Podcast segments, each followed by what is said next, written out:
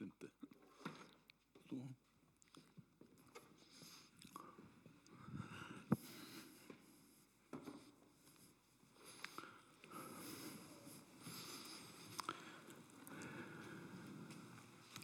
Tack.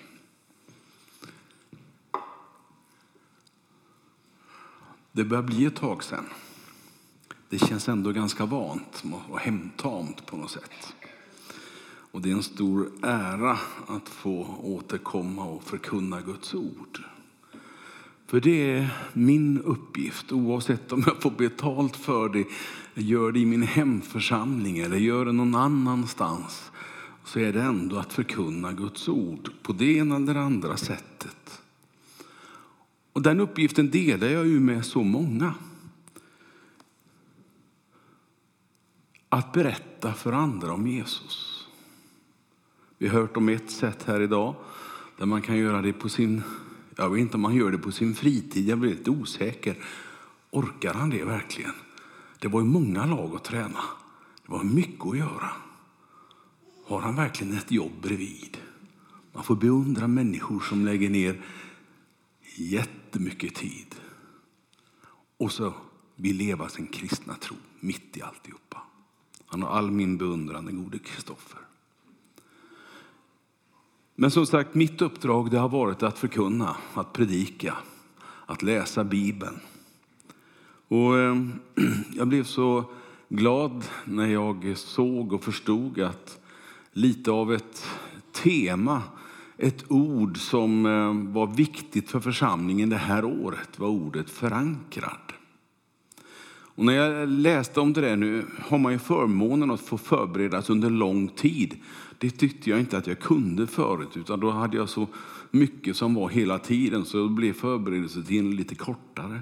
Men nu har jag gått några veckor och tuggat på det här. Hur, vad ska jag tala om? Jo, men förankrad. Vad är jag förankrad i? Det är egentligen ganska många olika saker, eller hur? Man tänker efter. Jag har en fantastisk familj som jag känner mig förankrad i. Men jag har också en tro. Och vad bygger den tron Vad är den förankrad på? Och då landar jag ju i bibelboken naturligtvis. Det här känner jag är min förankring utifrån min tro. Utifrån det som har format mig under 65 år, lite drygt. Och jag funderar på vad vet vi egentligen om Gud? Alltså vad vet vi egentligen om Gud? Vad vi tror om Gud, ja, men vad vet vi om Gud? Ja, det finns egentligen två ställen som jag går till när jag ska ta reda på det. Som kristen så är Bibeln den viktigaste källan. Det är en slags direktkälla för mig. Jag räknar den som Guds ord, som ett Guds tilltal till mig som person, till hans församling, till kristna över hela vår värld. Var och en får ta emot det på sitt språk. Mer och mer är det så. Så det är den viktigaste källan. Men kanske också utifrån min personlighet och den gemenskap och erfarenhet som jag har av Gud tillsammans med andra. Det formar ju det som jag har förankrat min tro i.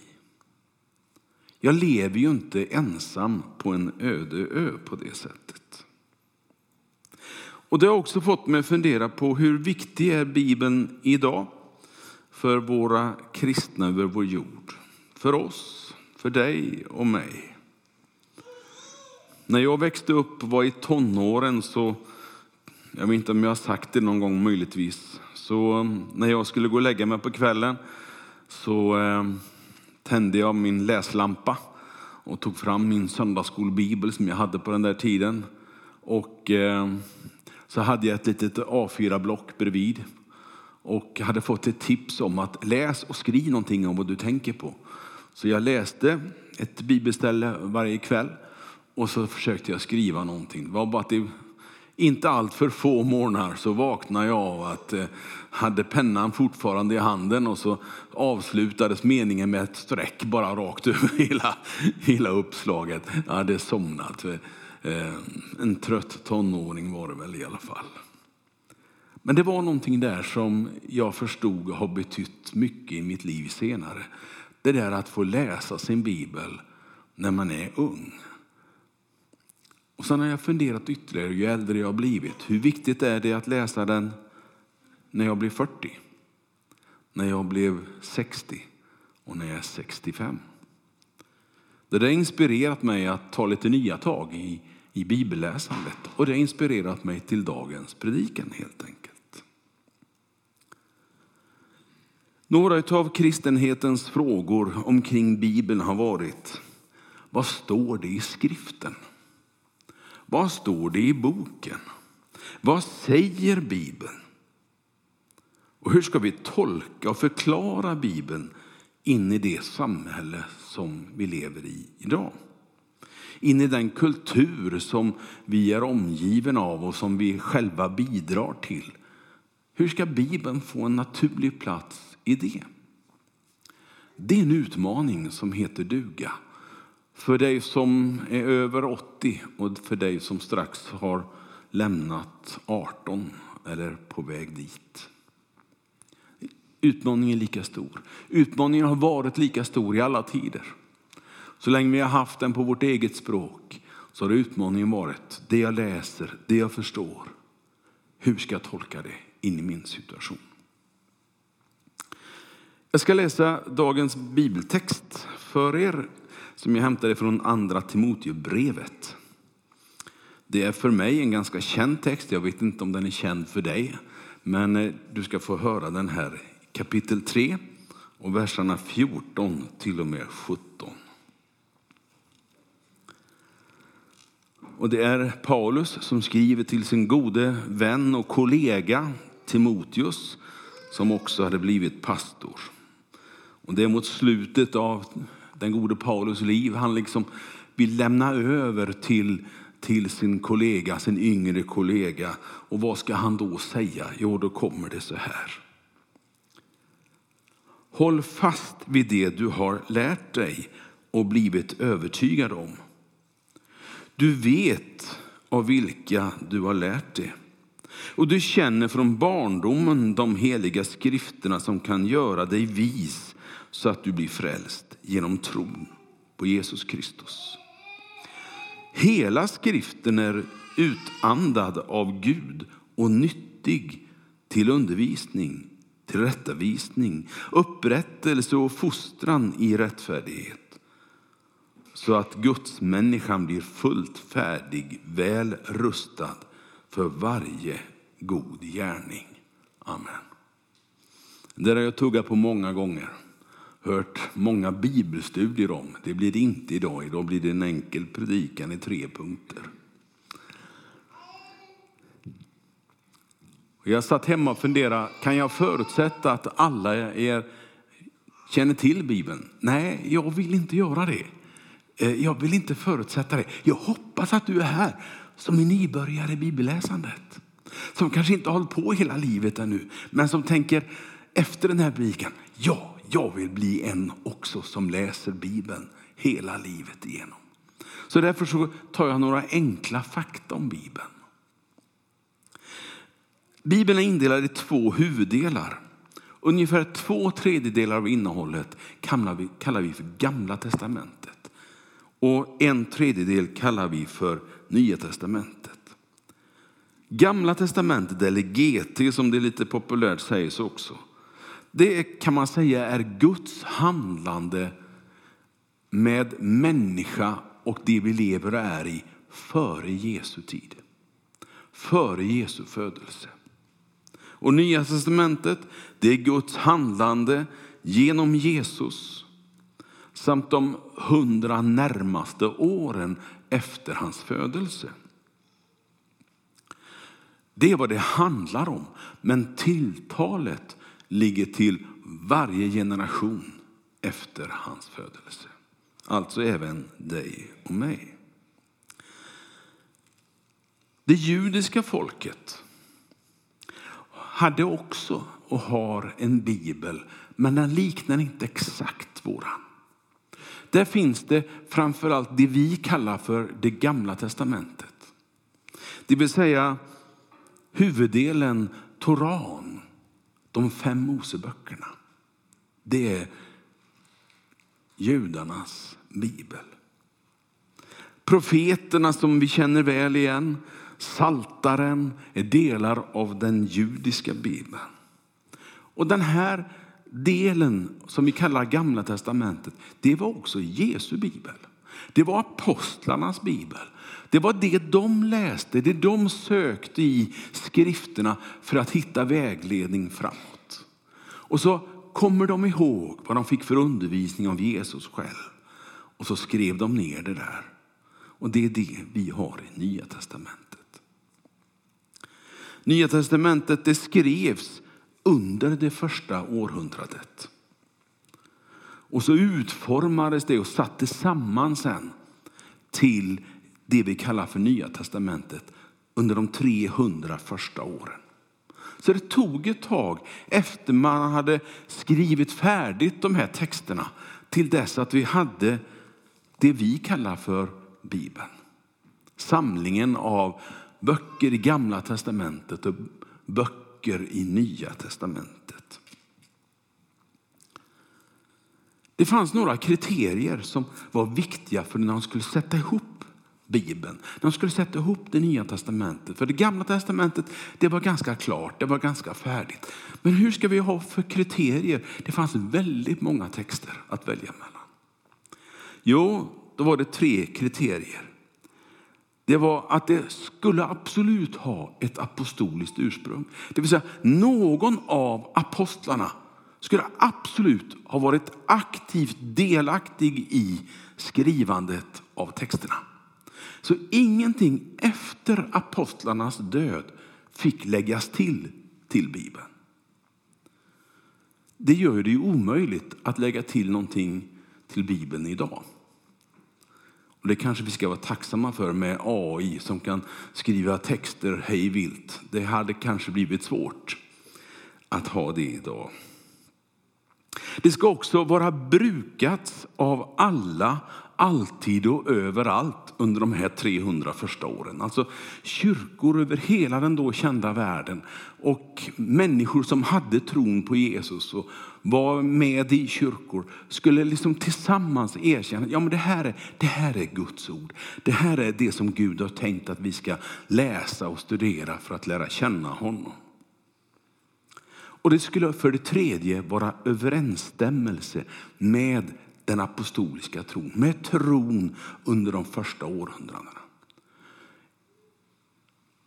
Jag har ju försökt, och även om inte jag har så mycket studerat teologi, så har jag i alla fall försökt att läsa lite grann. Och det, det finns Thomas evangelier och det finns alla möjliga tilläggstexter som man faktiskt tror har skrivits bra många århundraden efter de här 300 första åren. Efter det första århundradet.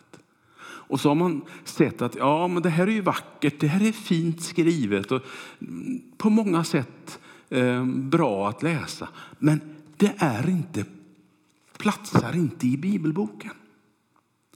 Och så har man valt bort dem. Var man tveksam så valde man bort det. Man chansade inte och lät någonting komma med i det nya testamentet som formades där i början på 300-talet. För man kanske anade att 2000 år senare skulle det sitta en grupp i Tibro och fundera på, kan jag lita på det som står här? Det som står i min bibel, går det att lita på? Vågar jag sätta tilltro till det? Är det Guds mening med mig och med oss? Ja, det är det. Jag tror fullt och fast på det.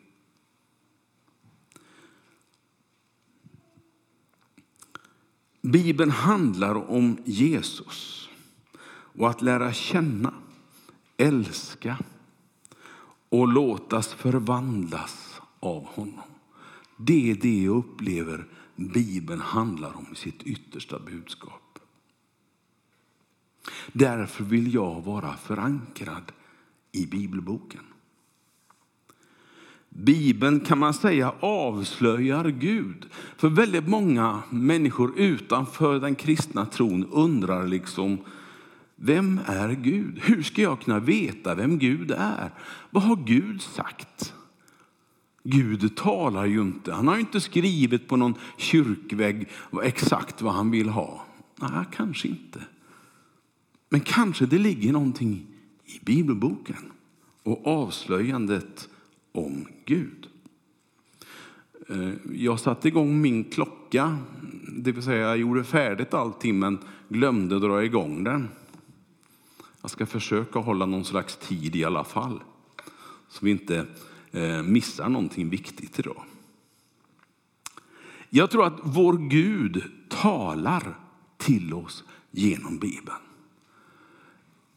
Genom boken och genom hjärtat, det troende hjärtat, genom den helige andes hjälp, så har jag hjälpmedel att förstå vad Gud vill i mitt liv.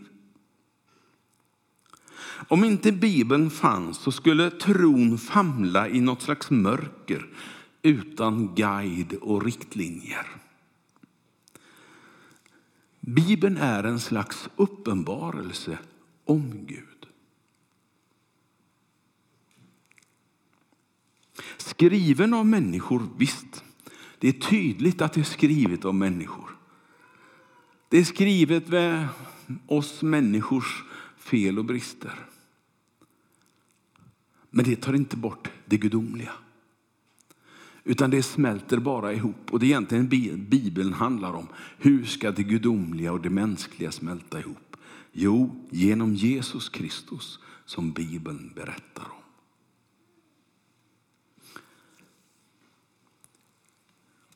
Kunskapen om Gud fullkomnas på något sätt i evangelietexterna om Jesus. Så vill du riktigt borra i vem Gud är, då ska du läsa evangelierna. Och så ska du se, vad tänkte Jesus? Vad gjorde han? Vad sa han? Vad ville han? Vad tyckte han var viktigt? Och så kan du sen tänka, är det så Gud vill att jag ska vara? Är det så Gud vill att människan ska vara? Så vill du veta vem Gud är, läs din bibel och gör som det står i den. Nu står det mycket i min bibel som inte egentligen är bibeltexter också. Avslöjades det här. Det vill säga mina egna små anteckningar också. Men bortsett från det så tror jag du kan lita på det som står i bibeln. Det behövs alltså inga tillägg utanför Bibeln. Det har försökts under århundradenas lopp. En och annan religionsstiftare, en och annan troende har tyckt att det jag har att säga är så viktigt så jag skriver en bok och så vill jag att den likställs med Bibeln. Men jag skulle vilja direkt säga, våga lita på att det här räcker. Du behöver inga tillägg till bibeltexten som blir ytterligare en bibeltext. Texter kommer du att behöva för att förstå innehållet och tolka och få hjälp med det. Men det är inte att jämställa med bibelordet.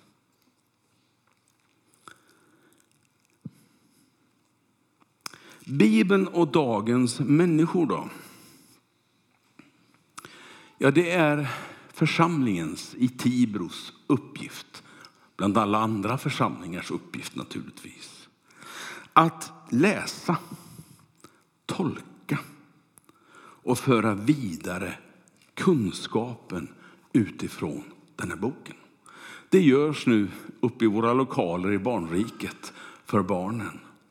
Det görs på bland annat på fredagskvällarna i Unite för våra yngre. Och det görs på olika sätt för oss och med oss när vi träffas till hemgrupper, gudstjänster, församlingsmöten. Ja, till och med när servicegruppen sitter och planerar så tänker jag att det gör man i glädje inför det man har i Guds ord i sin församling. Men Bibeln är inget uppslagsverk som man liksom kan söka efter och så hittar man, ja just precis så här är det. Utan Bibeln är berättelser om människors liv och hur man hanterat sin tro på det gudomliga. Så det här att, att alltid kunna hitta svaret i Bibeln, ja men det är ju sant och ändå inte. Va? För hur många gånger har jag inte sökt och sagt, Herre ska jag flytta dit eller dit? Och så, nej, det står ingenting om det i Bibeln. Herre, ska jag gå och köpa två liter mjölk idag eller ska jag vänta tills imorgon? Jag har hört dem som på fullt allvar har sagt detta. Och så har man letat och sökt i sin tro och i sin bibel efter. Jag tror att en del saker får vi kanske fatta beslut själva om också. Så Bibeln är inget uppslagsverk på det sättet i hur man ska leva som en god människa. Men Bibeln är ett utmärkt redskap att söka med tid att bli en bättre kristen, en godare kristen. Bibeln är ju skriven utifrån Guds kärlek till sin skapelse, för det är hans skapelse vi är. Sen får man uttrycka det här hur man vill i naturvetenskapen. Jag vill inte lägga mig i den debatten på det sättet. Men jag vill framhålla min tro på Gud som skaparen. Hur han gjorde. Jag bryr mig mindre och mindre, ärligt talat. Och blir bara gladare och gladare över att han, hur fantastisk är han inte? Som fortfarande håller ganska många kloka människors intelligens ovetande om exakt hur han gjorde. Men han gjorde det.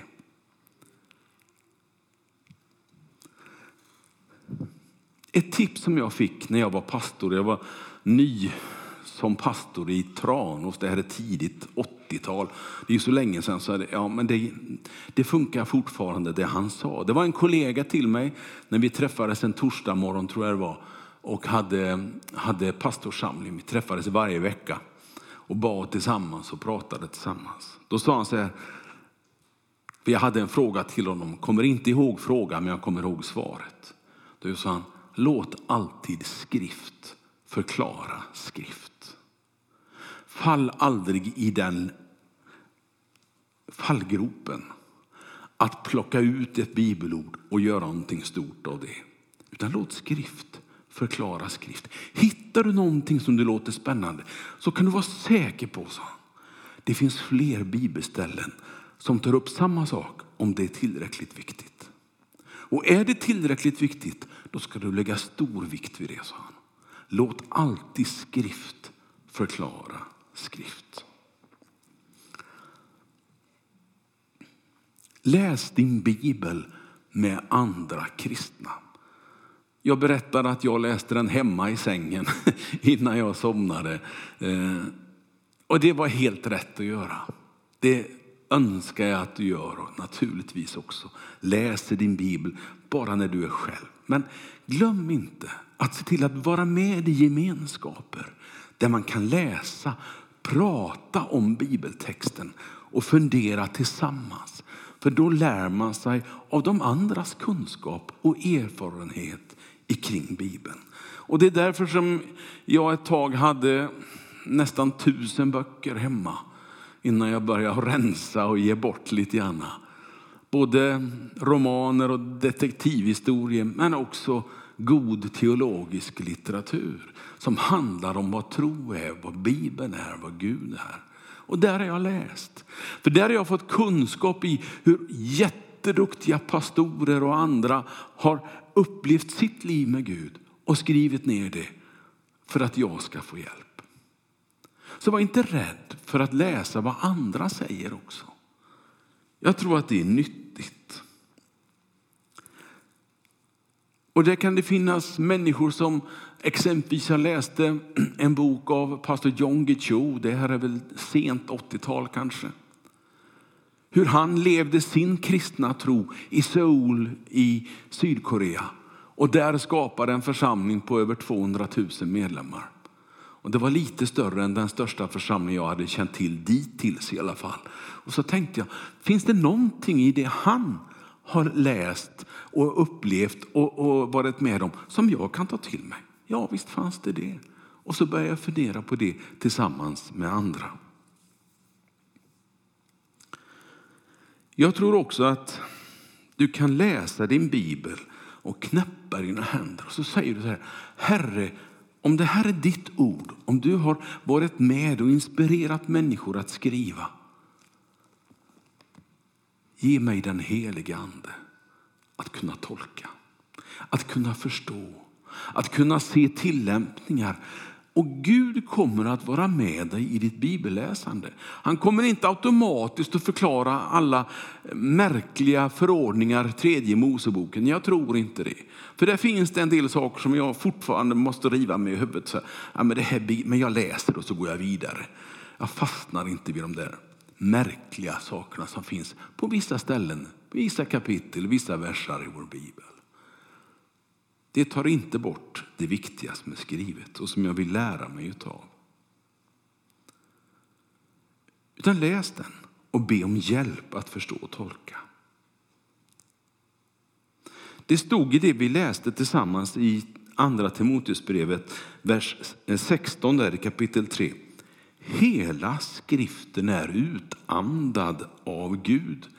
Och där har man funderat på vad, vad menas med det. Ja, men det talas om en inspiration av Gud. Hur Gud liksom, när han andades ut så, så föddes Guds ord på något sätt. Och när han gav det till oss människor. Jag tror inte att Paulus skrev sin text automattext. Jag tror inte att, att det var liksom intränat. Jag tror att han skrev utifrån sin känsla och utifrån det han upplevde att Gud ville att han skulle skriva. Och han skrev, hela skriften skrev han. Är utan av Gud. Alltså han ville ta bort det här att man skulle läsa bara vissa versar. Vissa texter, vissa böcker, men andra kunde man hoppa över. Det står inte att du ska läsa allt utom eh, alla offertankar i tredje Mosebok, utan läs dem också står det. För i allt finns det någonting gott. Det gäller bara att borra lite djupare så kommer du att hitta liknelser mellan Jesu offer och tredje Moseboks offertankar Fantastiska liknelser, fantastiska berättelser. Så när du läser din bibel så vågar jag påstå att du påverkas av samma Gud som en gång har skrivit den. Och det kanske är det mest fantastiska löftet som jag har till dig som bibelläsare. Våga läsa den, våga få inspiration ifrån den. Och jag garanterar inte att ditt liv blir lyckligt i hundra år, men jag tror att du får ett intressant liv resten av ditt liv. Tack älskade Herre. Att jag har fått förmånen att läsa ditt ord på mitt språk. Att jag har fått förmånen att läsa och förstå tillsammans med människor som eh, jag älskar och respekterar. Herre, hjälp oss att föra ditt ord ut till människor i vårt samhälle. Att eh, låta människor få inspireras av det som står i ditt ord. Och att våga tro på det som står i ditt ord. Amen.